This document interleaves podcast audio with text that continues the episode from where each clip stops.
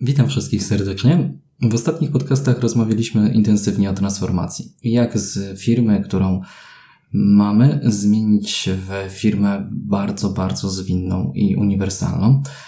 Dzisiaj będziemy rozmawiać o tym, jak się pracuje w takiej idealnej, e, agile'owej firmie. Moimi waszymi gośćmi jest Ewelina Wyspiańska-Trojniarz i Maciek Trojniarz. Witajcie. Cześć. Cześć. Ja nazywam się Tomek Śrepiński, a to jest Pragmatyzm w IT.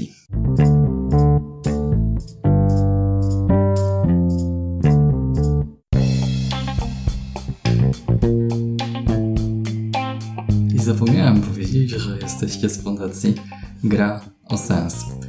Może na początek powiedzcie coś o sobie. Cześć wszystkim, nazywam się Ewelina Wyspiańska, od niedawna trojniarz. E, pracuję jako Scrum Master w brytyjskiej firmie technologicznej. E, na co dzień współpracuję z dwoma, w tej chwili trzema e, tymczasowo zespołami i staram się codziennie pomóc im, żeby byli lepszą wersją siebie. A w wolnych chwilach staram się udzielać w wolontariacie, w, właśnie w, w ramach Fundacji Kryosens również. A tak zupełnie po godzinach moją pasją jest cosplay, taniec i śpiew. Cześć, jestem Maciek, uczeń czarnoksiężnika AK Software Journeyman, czyli członek takiego ruchu software craftsmanshipowego, jak lubię siebie określać. Jestem programistą na co dzień w tej samejże firmie brytyjskiej. Po godzinach fan planszówek, mam ich już kilkadziesiąt i tyle. Myślę, że na początek fajnie byłoby Was zapytać, co robicie w fundacji. Czym się fundacja Mhm. zajmuje, jak ona e, działa. Nie wiem, które z Was chciałoby zacząć.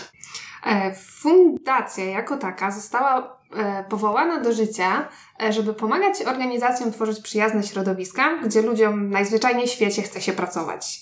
Żeby konieczność wstawania rano w poniedziałek nie była czymś przykrym, tylko żebyśmy sami z siebie chętnie do tej pracy chodzili. Taka jest jakby główna myśl przewodnia i to jest celem naszego działania. Plan na 2019 rok jest trochę prze, przeładowany rzeczami, to już możemy teraz stwierdzić. Mamy w planach cztery kolejne meetupy z serii Beat the Nonsense, być może y, szkoły Agile, oprócz tego szkolenia y, otwarte, związane ze Scrumem, z Agilem i podobnymi kwestiami. Pracujecie w firmie, która chce się działać? E, Tak mi się wydaje. Pracujemy w firmie, gdzie proces rekrutacji jest e, bardzo hmm, surowy, e, więc nie jest łatwo się do firmy dostać. E, Dzięki temu jesteśmy w stanie eliminować e, te osoby, które nie będą pasować i, jakby wpajać się w naszą kulturę organizacji. E, Zależy nam na tym, żeby ludzie sami z siebie podejmowali inicjatywę, że jeżeli mają jakiś pomysł, to żeby byli w stanie wykrzesać z siebie tyle energii i, i właśnie tej motywacji, żeby doprowadzić go do końca. I to jest dość, dość widoczne, że tak naprawdę zwinność organizacji, praca w zwinnej organizacji to jest praca z ludźmi, którym chce się coś robić i działać i robić więcej, wytwarzać ciekawe produkty. W 12 zasadach pod manifestem zwinnego oprogramowania jest tam też takie jedno mądre zdanie, do którego już nie każdy zajrzał, czyli budujcie swoje zespoły na, na e, ludziach, którzy są zmotywowani. To, co bardzo cenię w ludziach, z którymi pracujemy w naszej organizacji, e, to jest chęć do niesienia pomocy. Mamy bardzo wiele akcji charytatywnych, akcji wolontariackich, wolontaryjnych, e, w których ludzie sami z siebie chcą brać udział.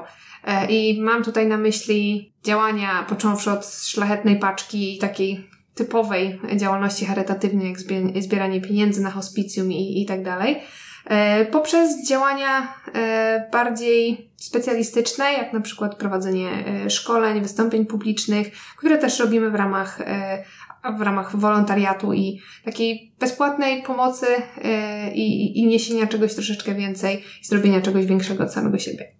Jest to naprawdę duża różnica, gdy się pracuje w zespole zmotywowanych osób, które chcą rozwijać produkt i dbają o to, co robią.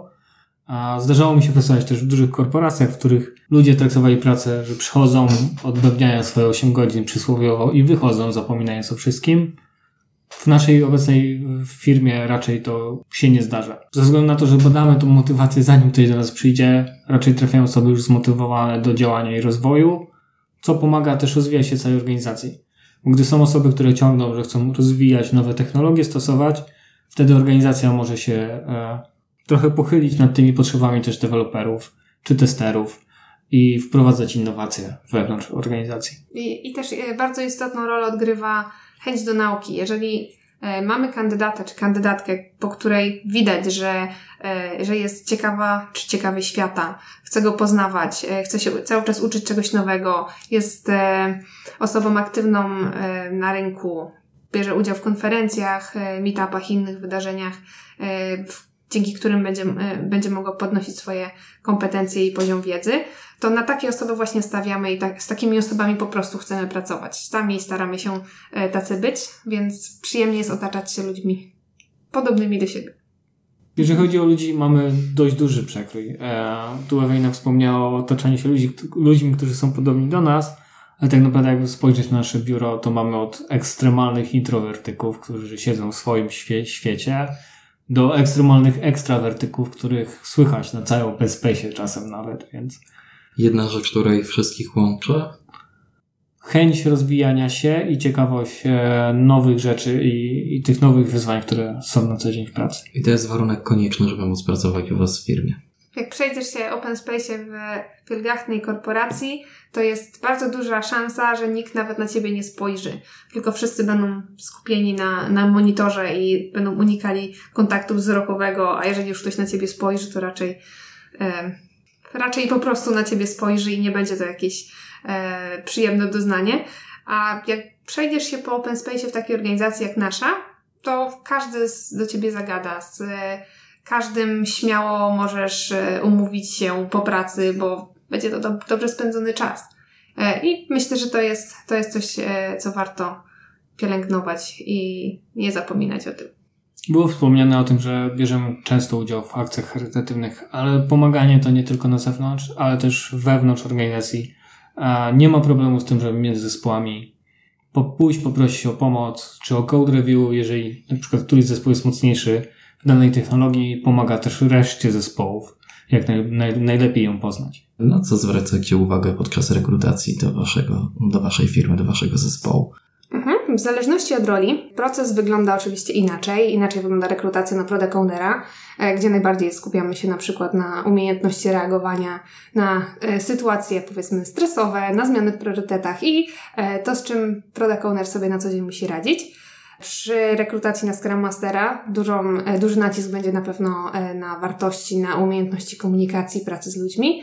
A jeśli chodzi o na przykład rolę dewelopera czy testera, poza dosyć e, ciekawymi zadaniami technicznymi, które e, niektórym sprawiają trudność, e, Mamy też e, takie dodatkowe elementy, jak sprawdzenie właśnie wyznawanych wartości i też jakby znajomość zasad zwinnego e, wytwarzania oprogramowania, żeby mieć pewność, pewności nigdy nie ma, ale mieć lepszy ogląd na to, czy dana osoba e, będzie zainteresowana pracą w taki sposób, jak to u nas wygląda, E, czy gdzieś tam w przedbiegach okaże się jednak, e, że no to nie jest to.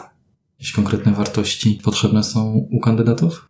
Tak, mamy zbiór wartości. Jedną z nich jest na przykład, oj, wszystkie mam po angielsku, e, stawiaj wysoko poprzeczkę, dlatego że zależy nam e, na tym, żeby przy każdym zadaniu, przy każdej drobnej e, rzeczy, którą robimy na co dzień, żebyśmy starali się robić najlepiej, jak to jest możliwe. Nie na przykładowe zrobić i zapomnieć, tylko właśnie, żeby, żeby włożyć w to wysiłek i żeby było to zrobione dobrze. Inna zasada care about, y, care deeply, y, czyli dbaj bardzo, troszcz się bardzo. I tutaj właśnie jesteśmy w stanie sprawdzić, na ile dana osoba będzie e, zmotywowana i oddana organizacji, na ile będzie jej zależało na tym, żeby e, jakiś temat doprowadzić do końca i zrobić e, swoją pracę, no najlepiej jak to będzie możliwe. Kto bierze udział w procesie rekrutacji? Czy jest to tylko menadżer, czy, czy, czy może ktoś jeszcze? Mm, proces rekrutacji jest podzielony na 4-5 e, sekcji. W każdej sekcji zazwyczaj staramy się, żeby to były inne osoby, żeby e, dana osoba, która przychodzi na interview, mogła spotkać się z innymi osobami, które pracują w organizacji, poznać też te osoby, to są e, programiści, testerzy, scrum masterzy, w zależności od sekcji, którą akurat omawiamy, czy to są bardziej wartości, gdzie wiodą scrum masterzy nasi, czy bardziej techniczne rzeczy, to wtedy kandydat ma okazję porozmawiać sobie z osobami technicznymi. Ten kandydat już się pojawiał w firmie, trafił do jakiegoś zespołu. Czego może się spodziewać? Jak wygląda praca w zespole? Każdy zespół pracuje inaczej, każdy ma swoją specyfikę. Nie ma czegoś takiego, e, że mamy narzucone normy, że wszyscy pracujemy, nie wiem, w kanbanie, wszyscy pracujemy w skramie. Tak naprawdę każdy zespół dopasowuje sobie sposób pracy do specyfiki tego, co robi. Więc niektóre zespoły, które w danej chwili produkują jakąś now nową funkcjonalność, może dla nich lepsze być na przykład Scrumban. Dla zespołów, które skupiają się bardziej na pracy, powiedzmy, utrzymaniowej, potrafi lepiej spisywać się Kanban, więc to naprawdę wszystko jest e, kwestia tego, co w danym zespole działa. Oprócz tego e, może się spodziewać tego, że programiści na przykład sami wybierają technologie, w których piszą, a staram się trzymać nasz stack technologiczny jak najbliżej trendów obecnych, które panują, więc mamy na bieżąco e, podbijane wersje bibliotek, powiedzmy tak trochę kolokwialnie. Oprócz tego na pewno mogą się spodziewać wyzwanie, jakim jest zrozumienie produktu, który tworzy nasza firma, bo jest to produkt ogromny, z dużą ilością funkcjonalności, to jednak trzeba bardzo dużo rzeczy się nauczyć na początku i zrozumieć, po co to robimy. Właśnie, nad iloma produktami pracujecie? Teraz tak, e, nasza firma ma jeden główny produkt, w, którym, którego w skład wchodzą różne feature'y. I teraz tak, albo można podzielić ten duży produkt na te feature'y i mówić o każdym z feature'ów jako takim osobnym produkcie, ale to jest część naszej dużej platformy, więc mamy swój własny produkt. To jest na pewno plus i dużo ułatwia w takim zwinnym podejściu do wytwarzania, bo tak jak sobie teraz pościelimy, tak się wyśpimy zaraz, jak przyjdą nowe, nowe e, funkcjonalności do zaimplementowania. Porozmawialiśmy też w poprzednich odcinkach trochę o skali, więc tą, tą skalę też podpytam, e, jak dużo zespołów pracuje nad tym produktem? Nie, jak ostatnio podsumowałem ilość zespołów dla klienta, to prawie już 20 zespołów mamy. Nad jednym produktem. Nad jednym mhm. produktem dużym, takim end-to-end. Jak dzielicie się pracą między zespołami? Mamy rzeczy trochę zaczerpnięte z Safe'a, czyli PA Planning, a na którym dzielimy te główne feature'y między zespoły. A co do planowania pracy zespołów, to każdy zespół jest odpowiedzialny za swoją rolę, za swoją działkę, e, swoją część tego tortu wielkiego i planuje już swoją pracę tak, jak najlepiej dla zespołu to wychodzi. PA planningi odbywają się raz na kwartał. E, to jest fajny moment, kiedy mamy możliwość spotkania się w jednym miejscu. E, są one organizowane w naszej siedzibie głównej. Podczas takiego dwudniowego eventu każdy zespół planuje pracę na następny inkrement, czyli następne trzy miesiące. To jeszcze powiedzmy, co oznacza PI, od czego jest ten skrót PI? Product Increment, czyli planowany inkrement produktu, który chcemy dostarczyć w następnej iteracji. Raz na kwartał produkujecie coś wspólnie, te 20 zespołów dostarcza jeden wspólny przyrost produktu, tak?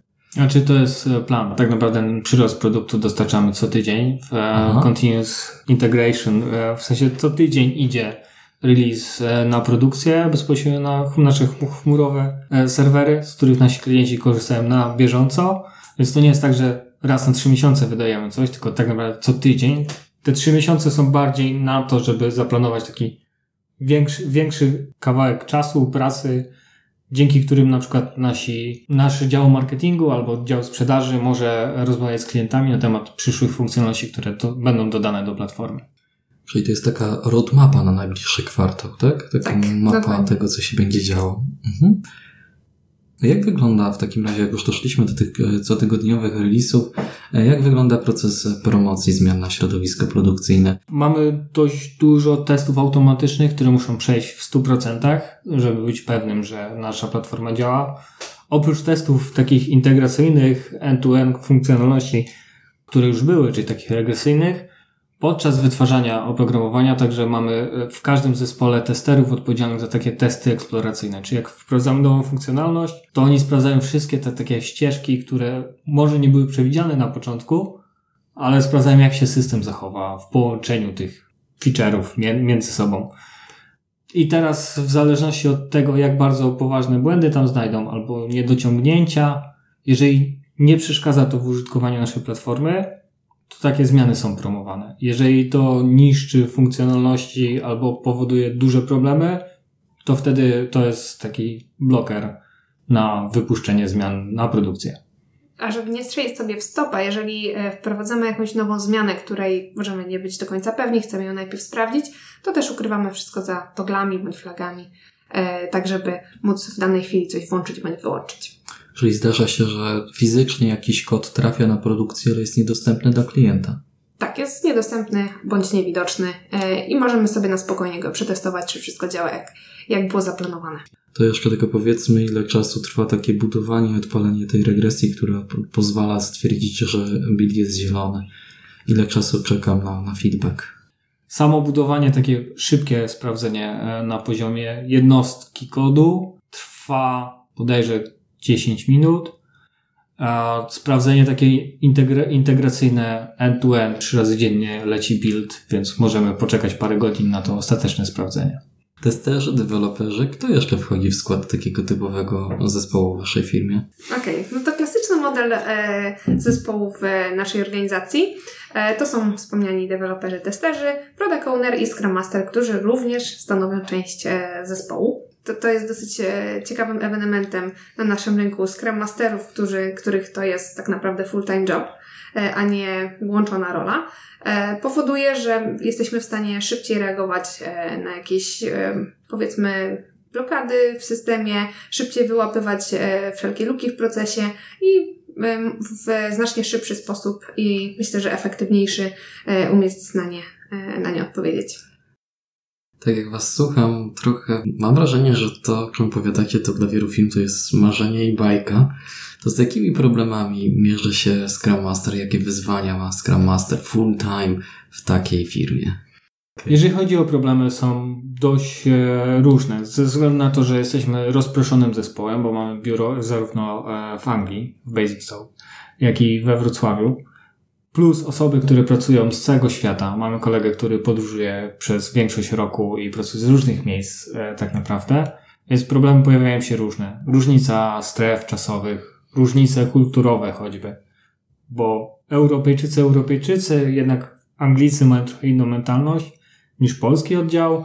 Mamy ludzi z Rumunii też zatrudnionych, którzy też lekko się różnią pod względem kulturowym między nami, więc wychodzą takie różnice kulturowe. Oprócz tego, przy tak dużym projekcie wchodzą zależności między zespołami, że mam dość duże funkcjonalności, których jeden zespół nie może unieść sam, więc musimy w roadmapie zawrzeć też te elementy współpracy między zespołami i odpowiednio uszeregować pracę, żeby wszystko było na czas. W jaki sposób są podejmowane decyzje w Waszej firmie? W zależności od tego, jaka jest to decyzja, e, jeżeli tyczy się ona, nie wiem, sposobu pracy, doboru technologii, e, to takie decyzje zespół e, śmiało może podjąć samodzielnie.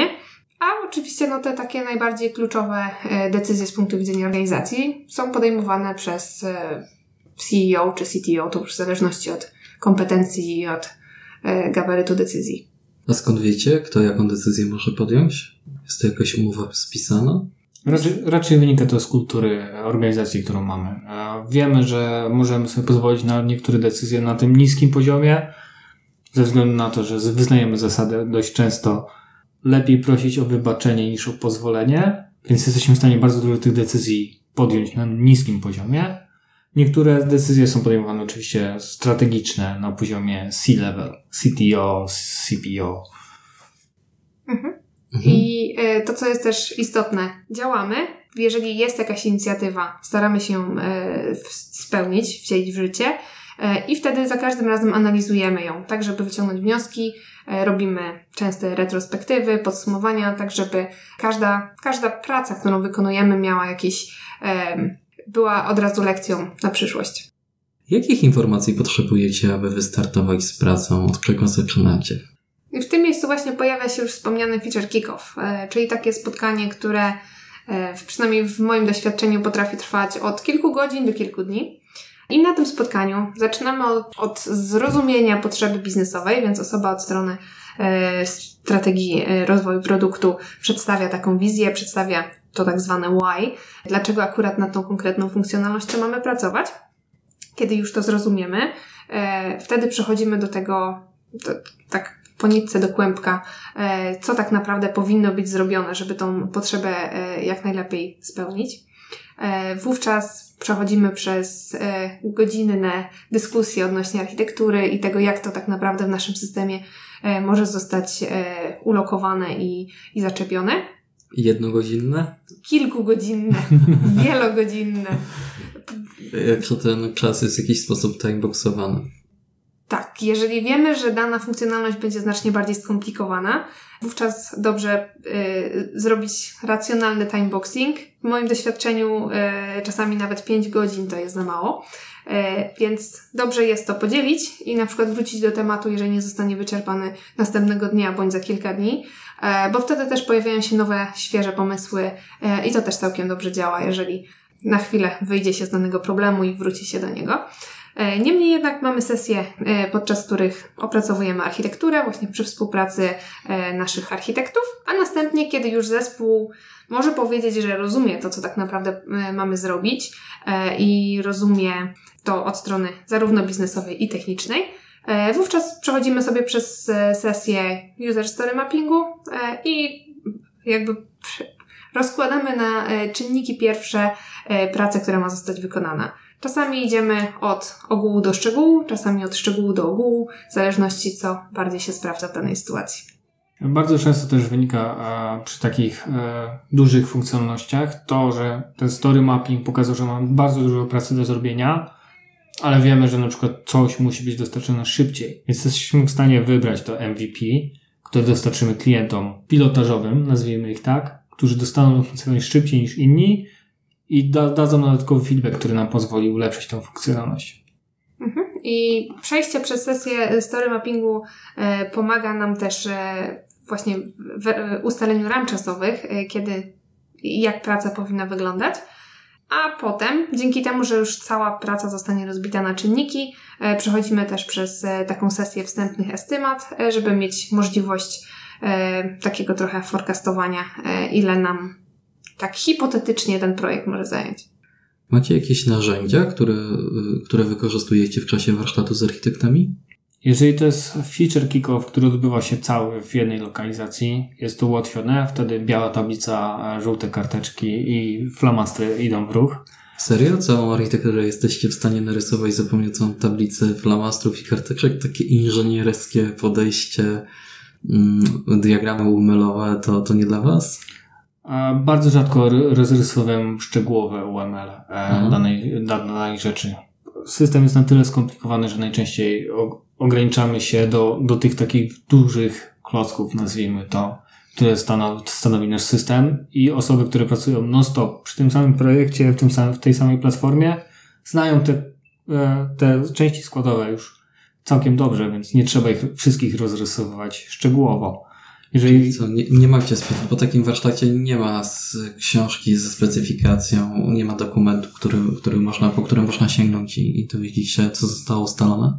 Najczęściej y, wynikiem takiego spotkania są zdjęcia tych tablic, a jakieś krótkie notatki dotyczące tego, co ma być zrobione i wiedza osób, które tam były. Tam w takim spotkaniu biorą udział, udział osoby, które będą to wytwarzać, więc nie ma potrzeby tej dodatkowej dokumentacji i, i sterowania tego dodatkowego. Tym bardziej, że to jest tuż przed rozpoczęciem pracy nad, nad daną częścią systemu. I biorą udział e, w tych spotkaniach architekci, więc w razie, e, kiedy dana funkcjonalność, e, czy, czy dany, dana część produktu będzie rozwijana w przyszłości, to są ze znajomymi ze wszystkimi zmianami, jakie, jakie się pojawiły w międzyczasie, bo, bo brali udział w tych feature kickowach. Co robią menadżerowie w takiej firmie, w której ludziom chce się działać? Zadaniem menedżerów jest e, dbanie o dobre samopoczucie i rozwój pracowników e, poprzez regularne one e, które odbywają się co tydzień.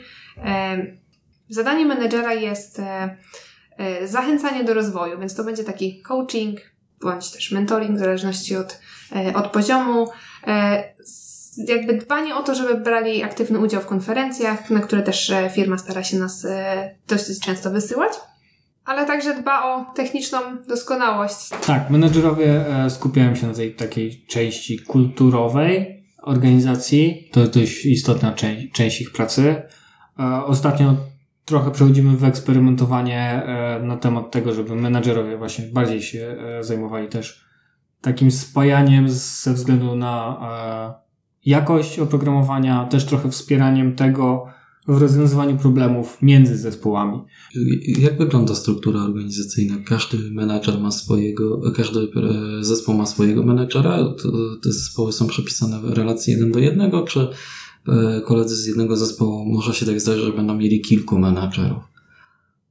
Obecnie przechodzimy właśnie eksperyment. Do tej pory mieliśmy taką strukturę macierzową, czyli menadżer nie był przypisany do zespołu, tylko do ludzi Mhm. i było tak, że w zespołach mieliśmy różnych menadżerów.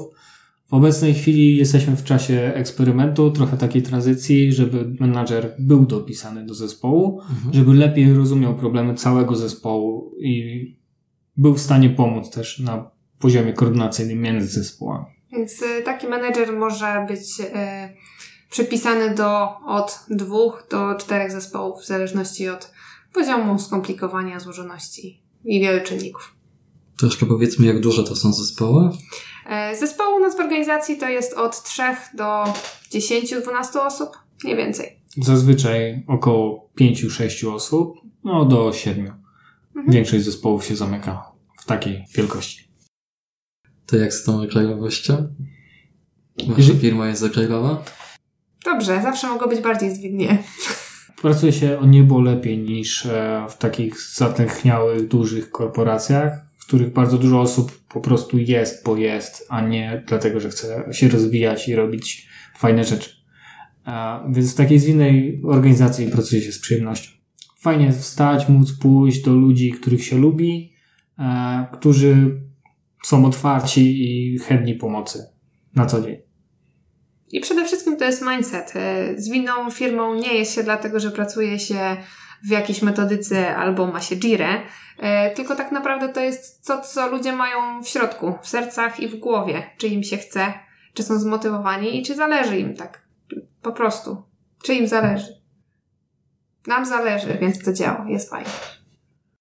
Super. Dziękuję Wam pięknie za rozmowę. Tomek Sierpiński. Ewelina Wyspiańska-Trojniarz. Maciej Treniarz. Kolejny podcast już w nowym sezonie. Do usłyszenia. Gdzie Was można znaleźć? Można nas znaleźć na stronie internetowej graosens.org.pl a oprócz tego na meetup.com mamy swoją grupę meetupową, gdzie są ogłaszane wszystkie nasze meetupy. Profil na Facebooku, na którym też e, nasze eventy e, się pojawiają. Jeszcze jedną myśl mam. Y, Niedługo będzie nowy Beat the Nonsense.